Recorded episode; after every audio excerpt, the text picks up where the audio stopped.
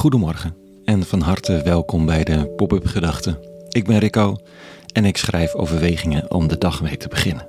Ergens tussen 6 en 7, mits ik me niet grandioos verslaap. Een mogelijkheid die nooit helemaal kan worden uitgesloten. Vandaag ben ik er met de titel Juist voor de ongeschikten. Pop-up Gedachten woensdag 21 september 2022.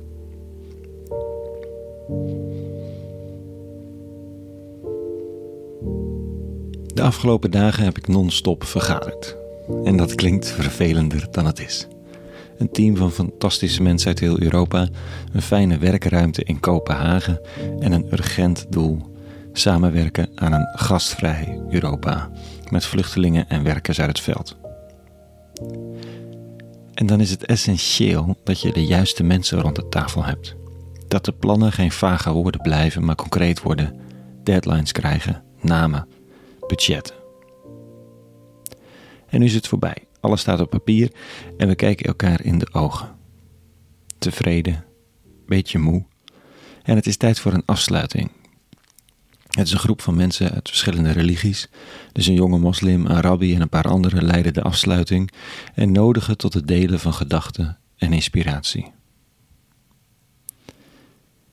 Het kost me moeite om stil te worden.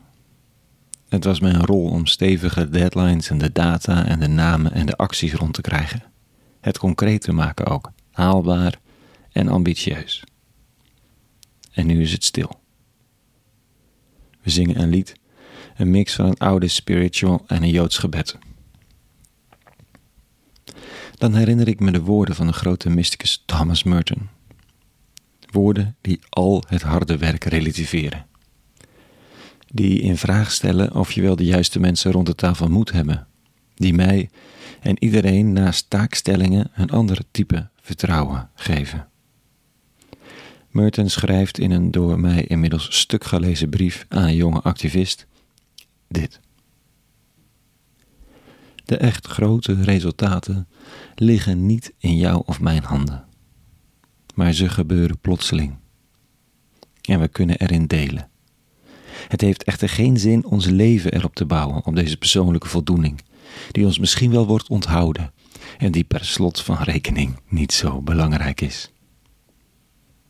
Waarschijnlijk streeft u ernaar een identiteit op te bouwen in uw werk of uit uw werk. Je gebruikt als het ware het om jezelf te beschermen tegen het niets, de nietigheid. Dat is niet het juiste gebruik van je werk. Al het goede dat u zult doen, komt niet van uzelf, maar van het feit dat u zich, in de gehoorzaamheid van het geloof, hebt laten gebruiken door Gods liefde.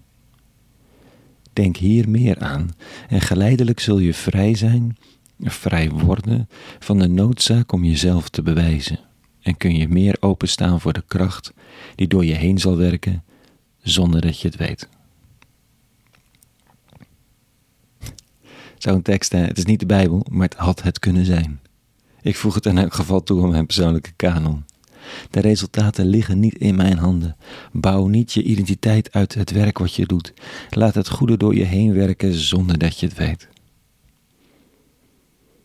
Het is in lijn met de lezing van vandaag. De rabbi is echt niet bezig om de juiste mensen om de tafel te krijgen voor zijn masterplan om een revolutionair andere wereld te beginnen midden in de bestaande wereld. Misschien zijn het wel de juiste mensen, maar dan niet in de ogen van wie dan ook. Ook de uitgekozenen lijken een soort jij zal het wel weten houding erop na te houden als ze ingaan op zijn uitnodiging om hem te volgen. Dit staat er vanochtend. In die tijd ging Jezus verder. Hij zag iemand aan het tolhuis zitten die Matthäus heette en hij zei tot hem: Volg mij. De man stond op en volgde hem. Voor het achtergrond het is oorlogstijd, de bezetter is de Romein, die heft zware belasting en er zijn landgenoten die deze tol heffen voor de bezetter en nog een beetje meer en daar goed van leven. Tuig, landverraders, nouveau riche. Typisch mensen die je moet hebben voor je ideale wereld, zou je zeggen. Ja, toch? Not. En het gaat verder. Terwijl hij nu in dienstwoning aan tafel aanlag, kwamen ook vele tollenaars en zondaars met Jezus en zijn leerlingen aanliggen. Oh, en samen eten, dat is net zoiets als bij onze politicus die samen lachend op de foto gaat met iemand. Er zijn mensen van minder volledig gecanceld. Toen de tekst gaat verder. Toen de fariseeërs dat zagen, zeiden ze tot zijn leerlingen: Waarom eet uw meester met tollenaars en zondaars? Hij hoorde dit en zei: Niet de gezonde mensen hebben een dokter nodig, maar de zieken. Ga heen en leer wat het zeggen wil. Ik wil liever barmhartigheid dan offers. Ik, ik ben niet gekomen om rechtvaardigen te roepen, maar zondaars. Ja, als het lukt om even door het zware woord zondaars heen te kijken, is de logica van de rabbi van een schokkende eenvoud. Ik wil niet met mensen werken die al menen het goede te doen. Die zijn, als het goed is, al goed bezig. Ik zoek mensen die dat nog niet doen. Meer zielen, meer vreugd, meer outsiders binnen in de cirkel. Of, oftewel, niet de juiste mensen, geen garantie op resultaat, maar links en rechts om je heen ontstaat er van alles aan goedheid en schoonheid.